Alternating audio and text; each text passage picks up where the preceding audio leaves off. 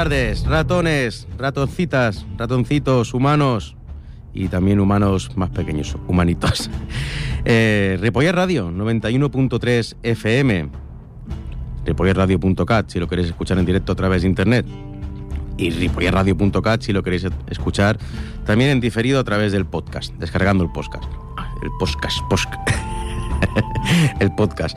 Bueno, bienvenidos una vez más, como, según, como cada segundo martes de mes, de 9 a 10 de la noche, ratones de guardilla, aquí en Ripollet Radio, en esta guardilla colindante al Centro Cultural de Ripollet, este municipio cercano a Sabadell, cercano a Barcelona, área metropolitana de Barcelona.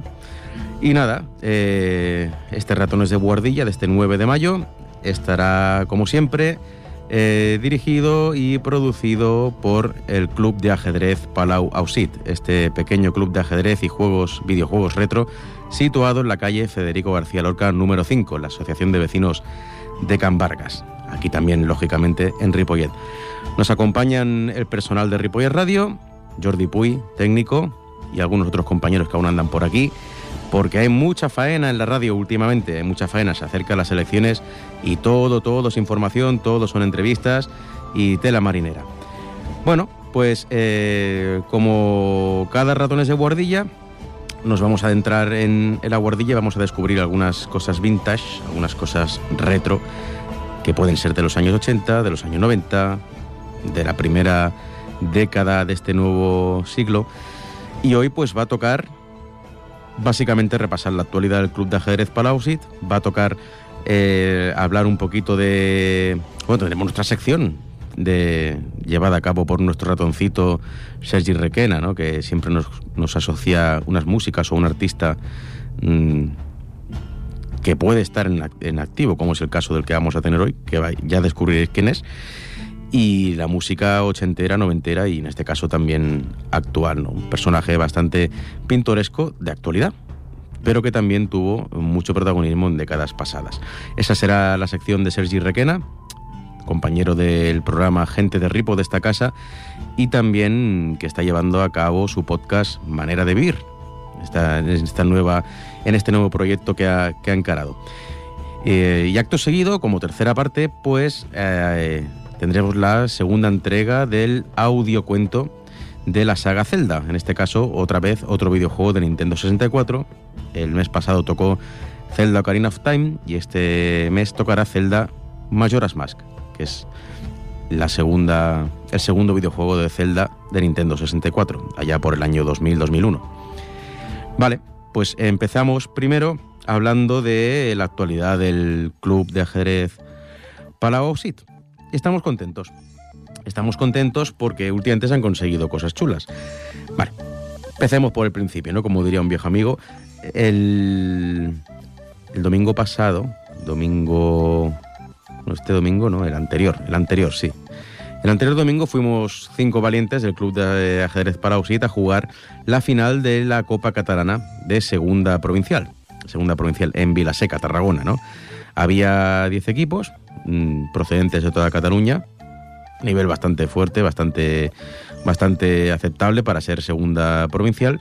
Y tuvimos la suerte de quedar cuartos clasificados. Tuvo todo muy justo, muy apretado. Y sí que es cierto que estuvimos a un puntito del tercero, a dos puntitos del segundo y a tres puntitos de los campeones. Y hay que felicitar a los campeones, el 3 Peons G, 3 Peons G, el, el, el equipo de Gracia. El segundo clasificado, que fue el equipo Peona y POE, el equipo del Guinardo, y a los terceros clasificados que fueron el Tarragona C, el equipo de la, de la capital. Mmm, la capital, la capital de Tarragona, lógicamente, como indica su nombre. Vale. Eh, bueno, fuimos cinco valientes, un servidor. Fue Cristian, fue Oscar, fue Efrem y fue Rubén. Y nada, eh, sí que es cierto que pudimos hacerlo mucho mejor, pero no hay que olvidar que somos bastante novatillos y que ya está bien, ¿no? Cuartos de Cataluña de segunda de provincial en la Copa Catalana no está mal. Y el anterior sábado, eh, 24 horas antes de la Copa Catalana, que se celebró en Vilaseca, se jugó un torneo infantil en Mollerusa que forma parte del circuito Tots els nens juguem, ¿no? Pues sí, estamos jugando un circuito de Lérida. Estamos jugando un circuito de Lerida. Y algunos torneos pues nos, vamos apuntando, ¿no? Jugaron Efrem, jugaron Alex, eh, jugó también eh, Asier, María y Katy, la hermana de Efrem. Bueno, Efrem tercero de la general y los demás pues Katy de las mejores sub-14, Alex de los mejores sub-12 y Asier y María pues participaron y no pudieron conseguir premio, pero ahí está, su participación, que también es lo importante ¿no? en, estas, en esta iniciación. Día 14, este, este domingo, hay torneos de rápidas en Tárrega, hay un torneo en Montblanc y nosotros vamos a participar uno en Balsareny, ese, ese pueblo que está en la autovía que va de Manresa a Berga. Y, y nada, forma parte del circuito de la Cataluña Central y jugarán eh, los adultos del club, que seremos unos seis o siete, el torneo general de rápidas y el y los niños jugarán un torneo sub-14 cabras. Así que seremos una gran participación del club de ajedrez Palausit en Balsareny este domingo por la mañana. Unas partidas relámpago y unas partidas rápidas. El día 20, torneo infantil en el Colegio Scursey para alumnos de la Scursey y algunos otros nenes invitados que también vamos a jugar. Que, bueno, mm, merienda para todos y un detallito, pues a los mejores clasificados. También habrá una exhibición de simultáneas y unas partidas amistosas. Eh, la idea es mm, cerrar de una manera muy agradable el fin de curso en el Colegio Scursey. Y el día 21, el día 21, la gran final de eh, la Liga Catalana Sub-12, ¿no? que habrán ocho equipos y entre, eh, entre ellos pues tendremos la participación del club de, de ajedrez Palau-Sit, equipo sub-12, ¿no? Irán nuestros valientes Efrem, Alex, Asier, Biel y María. Serán los representantes de, de, nuestro, de nuestro club allí en, en Girona, en Girona, el 21 de mayo, ¿no? Estará, habrá un equipo del Gerunda, por ejemplo, habrá un equipo del, del Figueras, un equipo de Amposta, estos sí que tienen que madrugar para llegar. Y será solo un día, tres partidas, tres partidas lentas un día. Estará también el PNPO, estará también Marturey y no sé si me dejo Vilafranca y Vilanova. Vilafranca del PNDES y Vilanova la Geltrú. Lo estoy haciendo todo de memoria porque ahora mismo no realmente no me acuerdo. Pero ya te digo, serán ocho equipitos y bueno, intentaremos hacerlo lo mejor posible ese día 21 de mayo. Y nada, luego ya viene la fiesta mayor con los torneos de ajedrez y parchís y algunos otros torneitos que organizaremos y otros en los cuales participaremos. Así que estamos bastante contentos, el club sigue funcionando a nivel amateur, ajedrez, juego retro, calle Federico García Lorca número 5, Asociación de Vecinos de Can Vargas y nos podéis encontrar cada tarde allí a partir de las 5. Pues nada, esto por lo que respecta a la actualidad del club, ahí lo tenemos y ahora vamos a, proceder a la sección, como hemos dicho, de Sergi Requena, nuestro compañero de, de Gente de Ripo, que también tiene su propio podcast Manera de Vivir, que nos va a hacer, nos va a deleitar con un especial de 15 minutitos de Miguel Bosé. Adelante.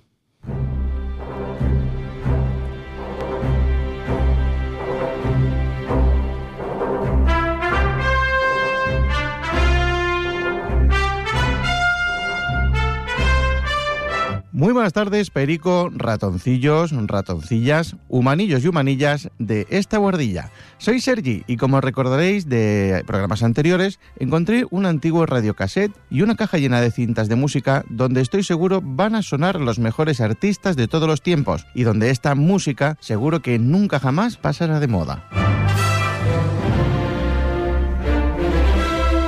He encontrado a alguien que estoy segurísimo que todos conocéis, así que le demos al play y os cuento la historia y algunas curiosidades de este gran artista.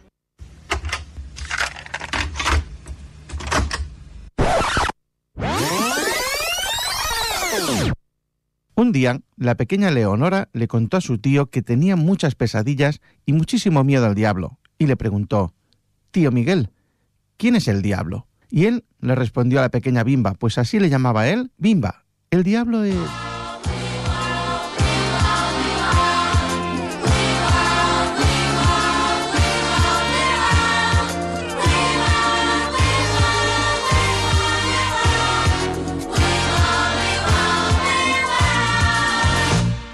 diablo se ha escapado, tú no sabes la que ha armado, ten cuidado, yo lo digo por sí. Y así nació la canción Don Diablo del polémico y polifacético, pero extraordinario a la misma vez, Miguel Bosé. Su nombre es Luis Miguel Dominguín Bosé. Nació en la ciudad de Panamá el 3 de abril de 1956, conocido como Miguel Bosé. Es un músico, cantautor y autor español. Aparte de la nacionalidad española, también cuentan con las nacionalidades de Panamá, Italia y Colombia. En 1973 entra de lleno en la música y dos años después firma un contrato con CBS bajo el sello internacional Epic. Ese mismo año ve la luz su primer álbum y la canción Linda. Ha lanzado 20 álbumes de estudio y ha vendido más de 60 millones de copias en todo el mundo. La separación de sus padres fue todo un escándalo en la época. Conmocionó a la prensa y a la sociedad en 1967, en la que el divorcio no existía. No se divorciaron, pero sí se separaron. El motivo de la separación fue los continuos deslices del padre, pero lo que más le dolió a Lucía Bosé fue descubrir la relación que tenía el torero con una prima carnal, Maribí Dominguín.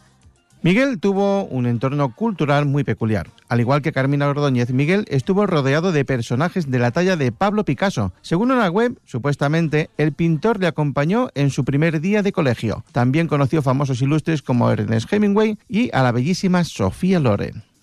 No sabemos en el registro civil, pero para la gran mayoría del público fue primero Luis Miguel González Bosé, más tarde Miguel Dominguín Bosé y finalmente Miguel Bosé Dominguín, aunque desde hace muchos años el gran público le conoce como Miguel Bosé. Miguel es trilingüe.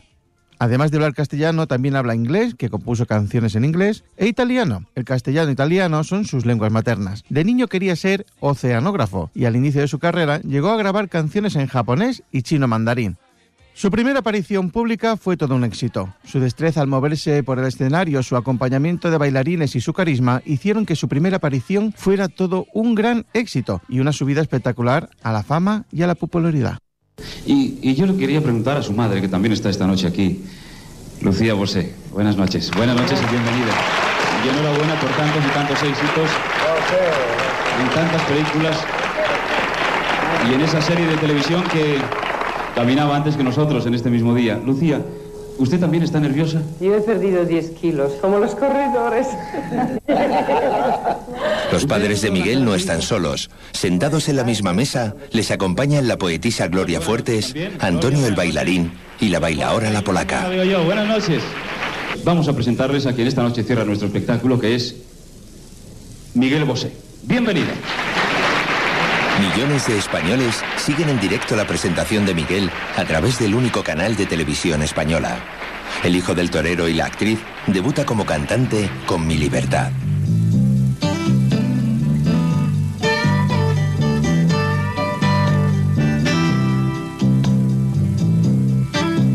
Libertad no me eres nueva y recuerdo a duras penas que eras mi mayor problema.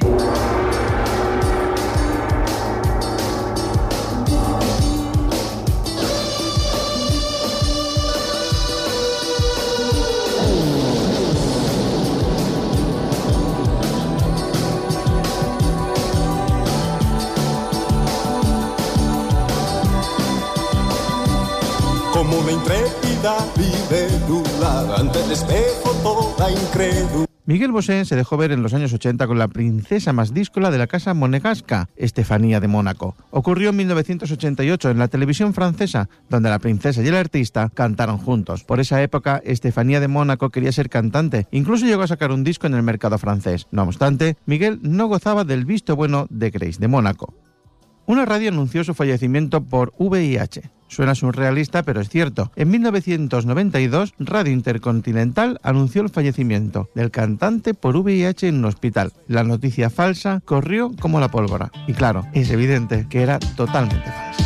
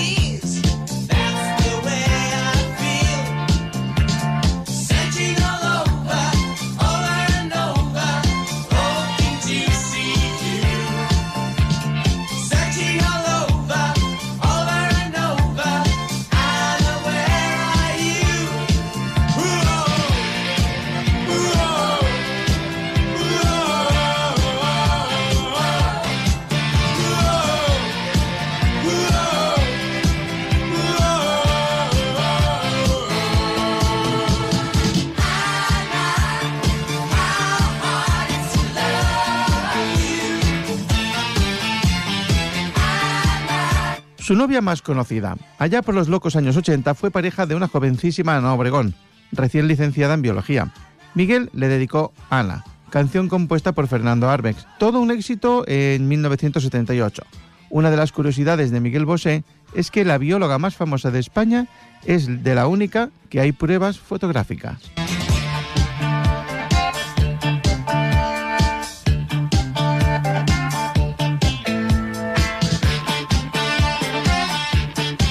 Miguel apadrinó a Paulina Rubio cuando ésta aún era muy niña y formaba parte del grupo Timbiriche. ¿Qué es eso? Bueno, Timbiriche es un juego que juegas con una hoja cuadriculada con No. puntitos. Sí, sí es eso. No, no, Vas con no, claro que no. Claro Claro que no. Porque, pero bueno, en vez de poneros todos a hablar, que nos vais a poner de acuerdo, y se ve que, que tenéis cada uno unas seis versiones diferentes del Timbiriche, porque no hay alguien que lo explica calmadamente. Una persona. Yo, ¿Quién lo puede explicar? yo.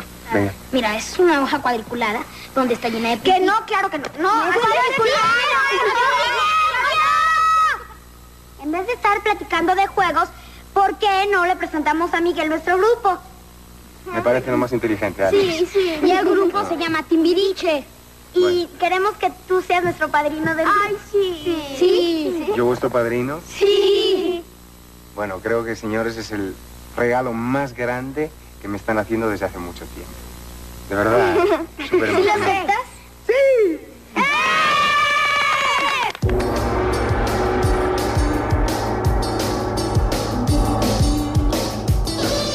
Y aunque todo el mundo conoce a Miguel Bosé por su lado musical, ha participado puntualmente en cine, Los Sobres Millonarios en 1973 y su participación más reconocida en Tacones Lejanos en 1991, en el que interpretaba a un travesti. Hasta ahora ha participado en 15 largometrajes. Becky. Hola.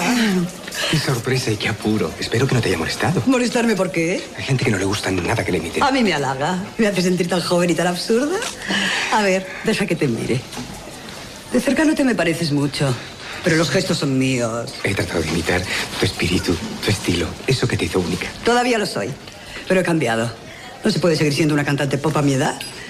Con el tiempo me he convertido en una gran dama de la canción. Ya lo sé, pero a mí me va más lo antiguo. Los pelucones, la minifalda, el plataformón, tu espíritu, tu estilo. ¡Ay, qué chistoso! No sé si se está veando de mí o es encantador. No, es encantador. Dios santo, lo que hay que oír. Córtate, Manuel. A propósito, no se he presentado. Letal es mi marido. Manuel, Es este. Encantado. Oye, ¿cuál es tu nombre de verdad? Como en la canción de Concha Piquer, soy lo que quieran llamarme.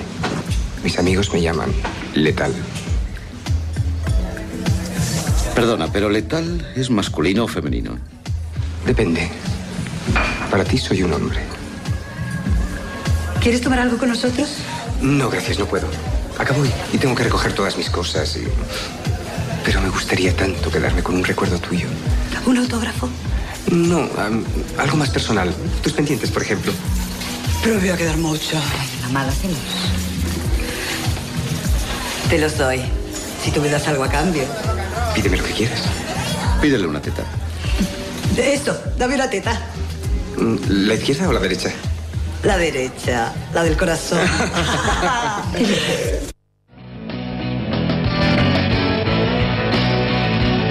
Entre 1997 y 1999 presentó el programa musical Séptimo de Caballería en televisión española.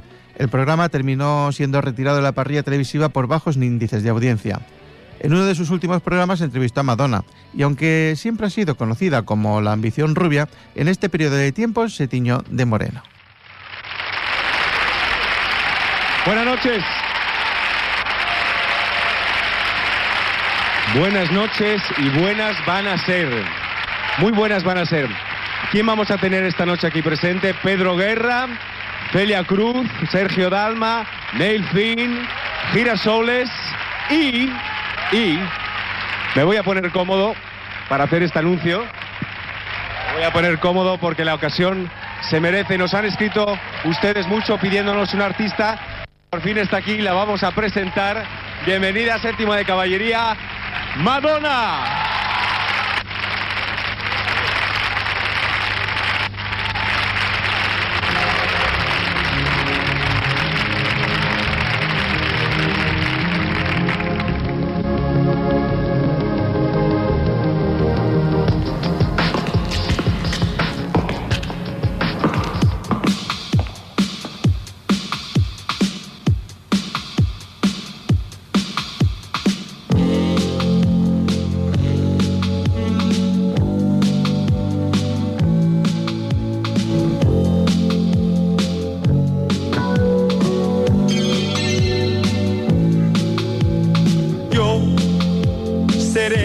Gran Miguel Bosé mide un metro ochenta y seis, pero aparte de esto, es grande por su trayectoria musical, entre otras cosas, como os hemos comentado en el programa de hoy. Aunque últimamente ha sido algo polémico, no olvidamos sus más de 40 años de carrera con 25 discos en su currículum y es uno de los artistas españoles que más discos ha vendido. Y por eso, Miguel Bosé fue, es y será uno de los artistas más grandes que ha tenido nuestro país.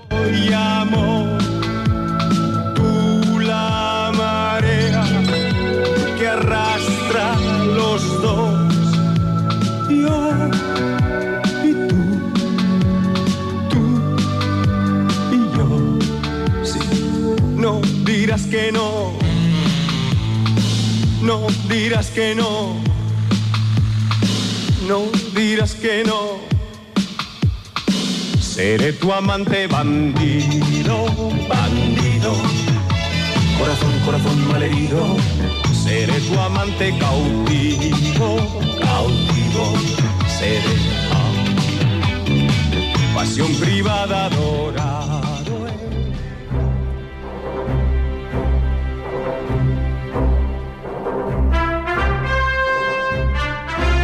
Y bien, amigo Perico, ratoncillos, ratoncillas y humanillos y humanillas de esta maravillosa buhardilla, hasta aquí mi reportaje musical de hoy. Deseo que os haya gustado muchísimo y próximamente os traeré muchísimos más artistas para que podáis conocer en profundidad.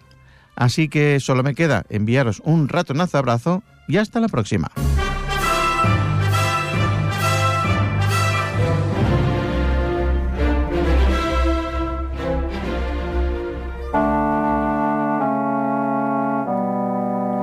Pues muy bien, muchas gracias Sergi Requena con tu sección del artista del mes y de, esa música ochentera y noventera, en este caso Miguel Bosé.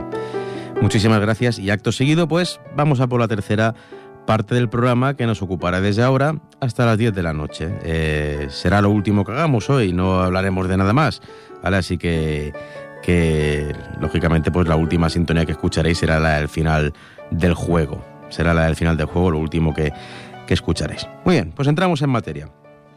Majora's Mask es el segundo juego del, de Zelda de la consola Nintendo 64, allá por el año 2000-2001. Uno de los juegos que marcó nuestra infancia, ¿no?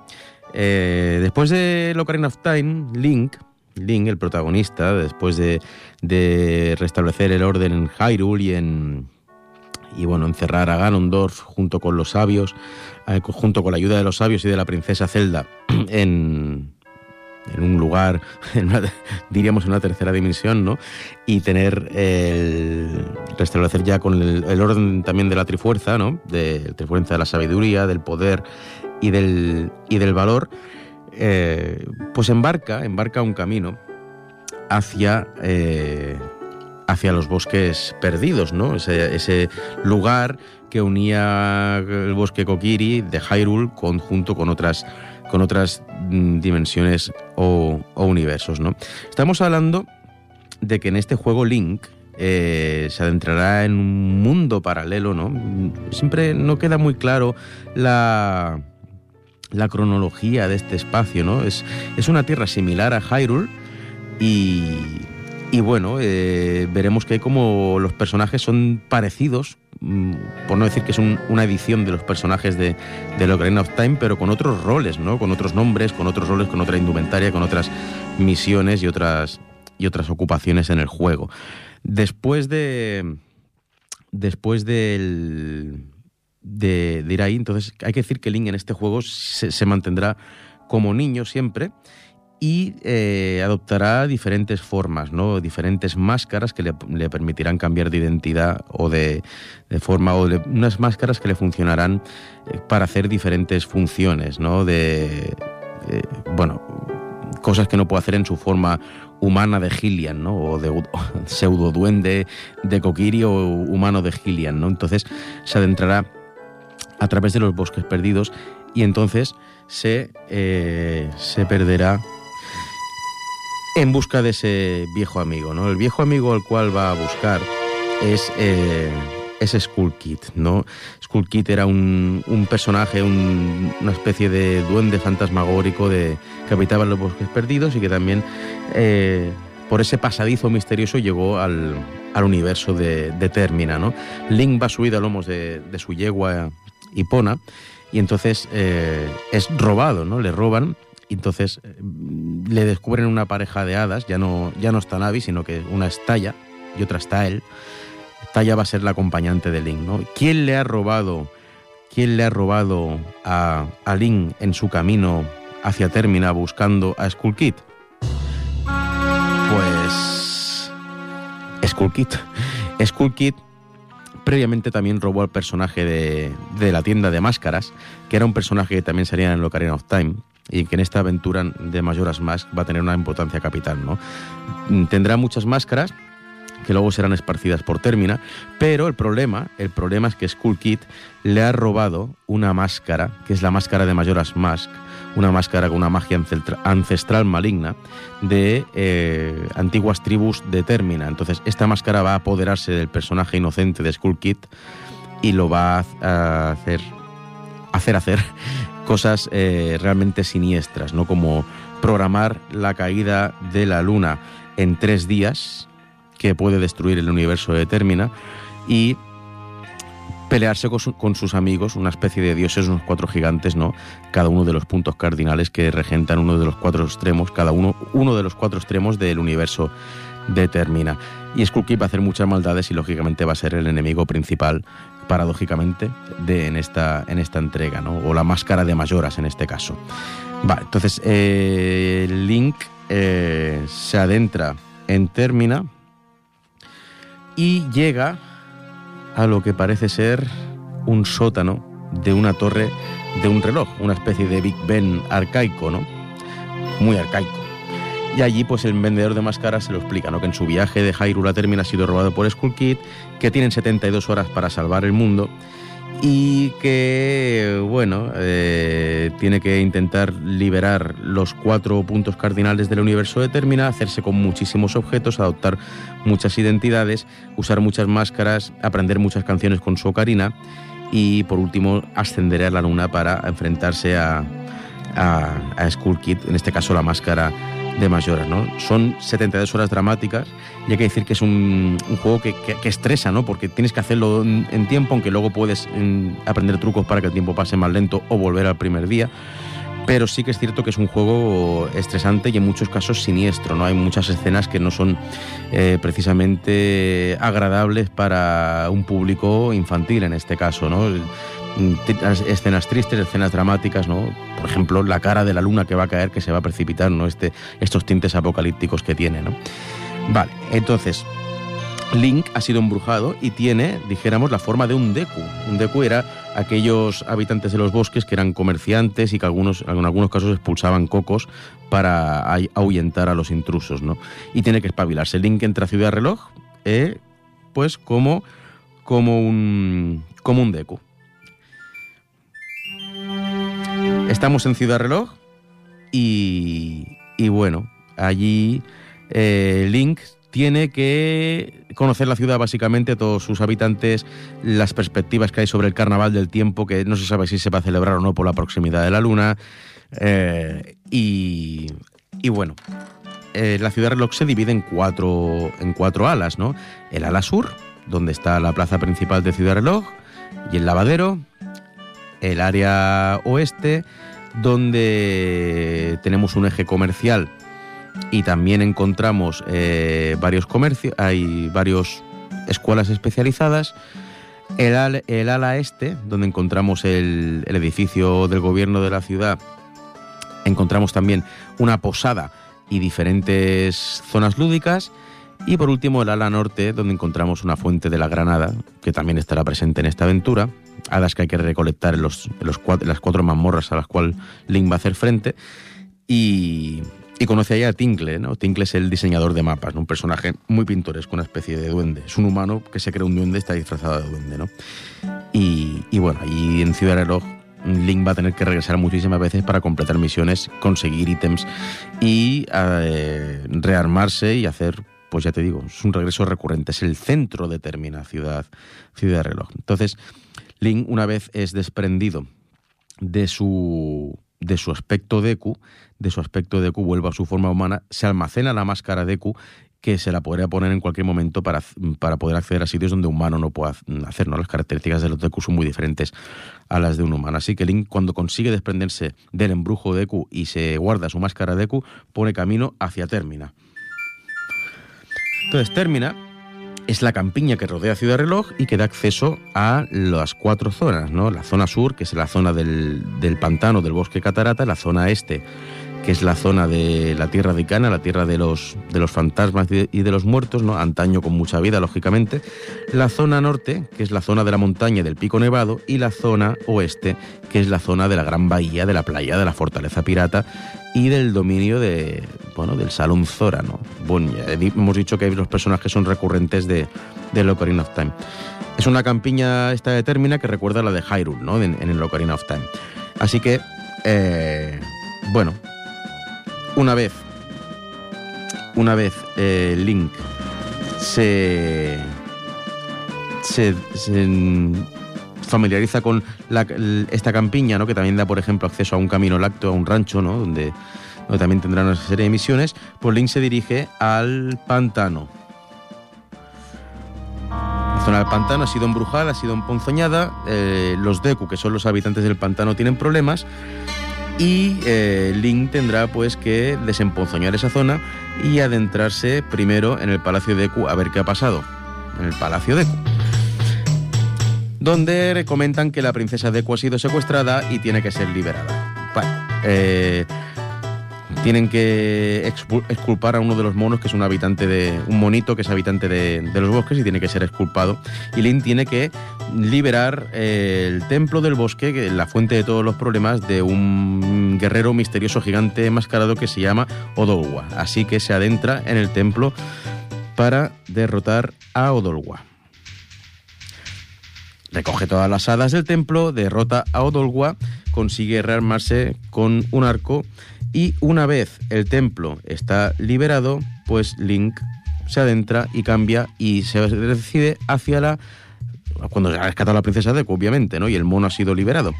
Se dirige, eh, cruza de nuevo la campiña, hace misiones en Reloj y se dirige hacia el norte, del sur al norte, y va hacia la zona de la montaña. También embrujada, que, asola una, que está asolada por una ola de frío eh, inusual, el pico Nevados ha sido congelado, toda la ciudad Goron, sí, sí, los Goron también salen aquí, el pueblo Goron, y Link pues tiene que eh, primero obtener la máscara de Darmani. Darmani era un antiguo héroe Goron, ¿no? Que en este caso aparece en su etapa fantasmagórica, para poder hacer su transformación en Goron, ¿no? con, con, lo cual obtendrá una fuerza muy fuerte y la capacidad de rodar para desplazarse. Entonces, eh, una vez consigue hacer ciertas misiones en el pueblo Goron, como por ejemplo hacerse con la espada, mm, una, segunda espada más fuerte, y, y, otras misiones y dejar que el espíritu de Hermani repose en paz, se dirige al templo de la montaña a ver qué está, qué está ocurriendo.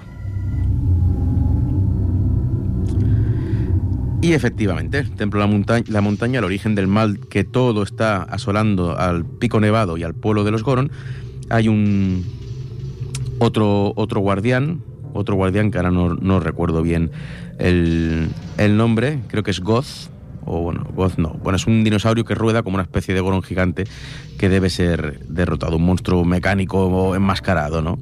Para, para poder quitarle la máscara a este, a este monstruo. Vale, pues finalmente Link derrota a este monstruo y libera y vuelve la primavera al pico nevado y al pueblo del bosque. Así que se dirige hacia el rancho, hacia el rancho de hacia el rancho de Termina y tiene que simplemente hacer una misión ahí, que es eh, evitar que unos alienígenas secuestren a unas vacas. Pero bueno, esto es un side quest, esto es eh, a más a más y bueno, tiene que seguir con su aventura principal, así que se dirige en este caso a la zona oeste, hacia la playa de la Gran Bahía, que también ha sido embrujada, que la cantante de los Indigo Ghosts, que es la banda de Zoras que tienen que actuar en el Carnaval de Tiempo en Ciudad Reloj, pues ha, ha perdido la voz, ¿no? Link tiene que encontrar los huevos Zora, tiene que poner el orden en el océano, que ha sido embrujado con unas serpientes gigantes, tiene que rescatar el espíritu de Mikau, que es el cantante que ha perdido la vida en la, en la playa, y así Link podrá adoptar la apariencia Zora. ¿no? Con la apariencia Zora, Link se dirige a la fortaleza de las piratas, que son que son una especie de eh, gerudo, pero en este caso hacen de piratas. En el Ocarina of hacían de ladronas, aquí de piratas. Bueno, más o menos es lo mismo, ¿no? Allí consigue los huevos y puede dirigirse hacia el templo de la Gran Bahía en el cual allí eh, la misión es liberar de un pescado gigante eh, electrificado que se llama York, un templo bastante tedioso, no tan difícil como el templo del agua de los Ocarina of Time, pero bueno, también es, es comple- es complicado, ¿no? Para liberar y restablecer el orden en la gran bahía que tiene serios, serios problemas de mareas y de temporales. Una vez Link derrota al pescado grande York, se dirige por último al este, al valle Icana, Valle Cana embrujado, la tierra de los muertos, en otra época un sitio florecente y ahora tierra de zombies, de fantasmas, de ninjas, de esqueletos, con su cementerio, con su castillo y con sus momias. Entonces tiene que, eh, que intentar devolver el agua a ese valle que está totalmente, totalmente seco. Y el mal viene de un pozo, viene de un castillo y viene de un templo de piedra. Link aprende la canción de las tormentas y rescata a un padre de una niña que viven, son los únicos habitantes humanos que viven en, el templo Icana, en el valle Icana, y eh, obtiene eh, la careta Egipto, que es una transformación que permite eh, que los zombies no te ataquen, ¿no? El padre de la niña es liberado, la niña es feliz y la música vuelve a sonar. El río vuelve a fluir. Así que Link se dirige hacia el castillo Icana, donde tiene que dejar descansar en paz el alma de los antiguos soldados, de los fieros soldados que defendían Icana, ¿no? Eh, el rey y el, rey y sus y sus súbditos, ¿no? Una, una zona, una submazmorra bastante compleja. Una vez rescata y se enfrenta al rey y los deja descansar en paz, Link se dirige a la última mazmorra que es el templo de la Torre de Piedra. El templo de la Torre de Piedra, eh, que hay que pasárselo dos veces, ¿no? Hay que, tiene que hacerlo del derecho y luego tiene que hacerlo del revés.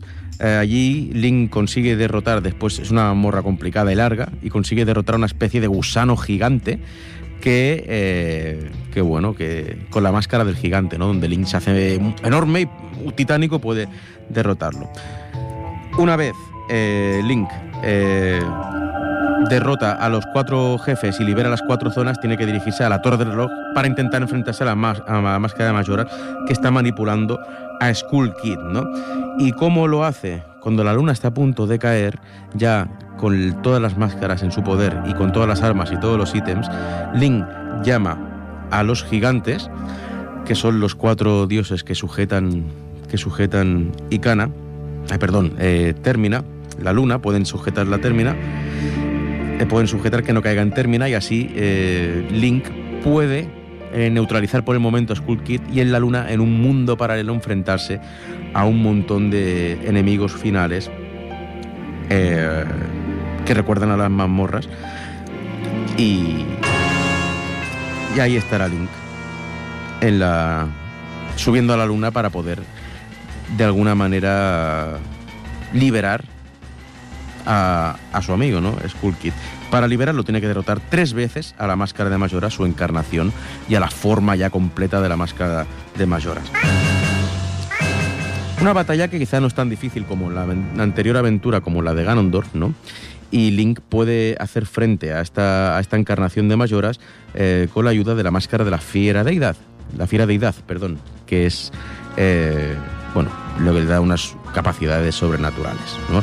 Entonces eh, va a ser el momento de desenmascarar, nunca mejor dicho, a Skull Kid para que vuelva a ser ese duende inocente, juguetón y travieso de los bosques y Link pueda cumplir su deber con Termina y acabar otras misiones retrocediendo en el tiempo, otras misiones secundarias y recolectar todos los objetos. Entonces, una aventura, ya os digo, bastante, bastante siniestra.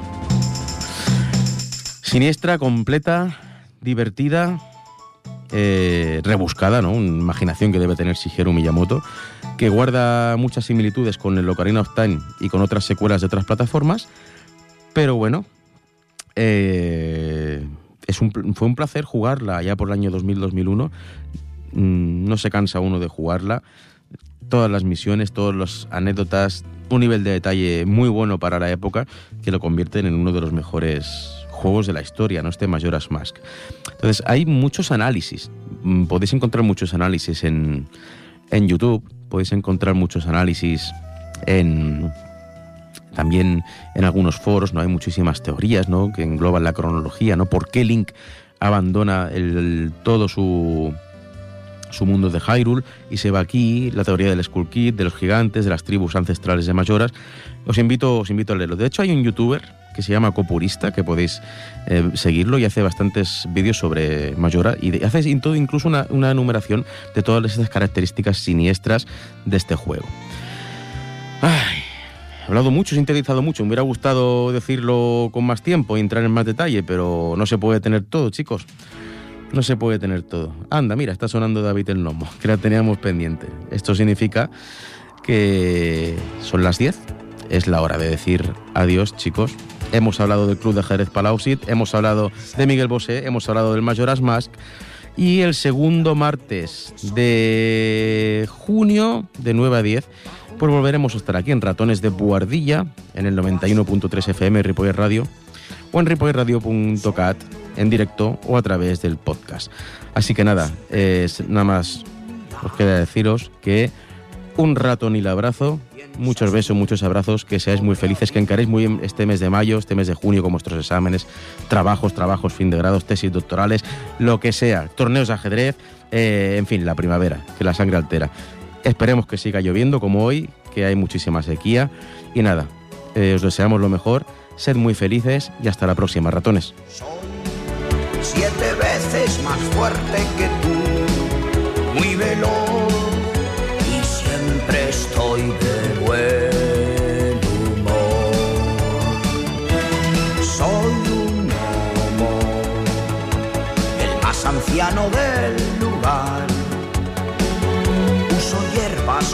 Yo sé que pueden curar. Soy un gnomo muy diminuto y bonachón. Si me quieres conocer, con mucha atención. A los enemigos, a los trolls y a las mofetas. Con mi gorro y con mi zorro voy corriendo de aquí para allá. Ten cuidado, no me pises si es que estás cogiendo setas. No sea que cometas una barbaridad. Soy.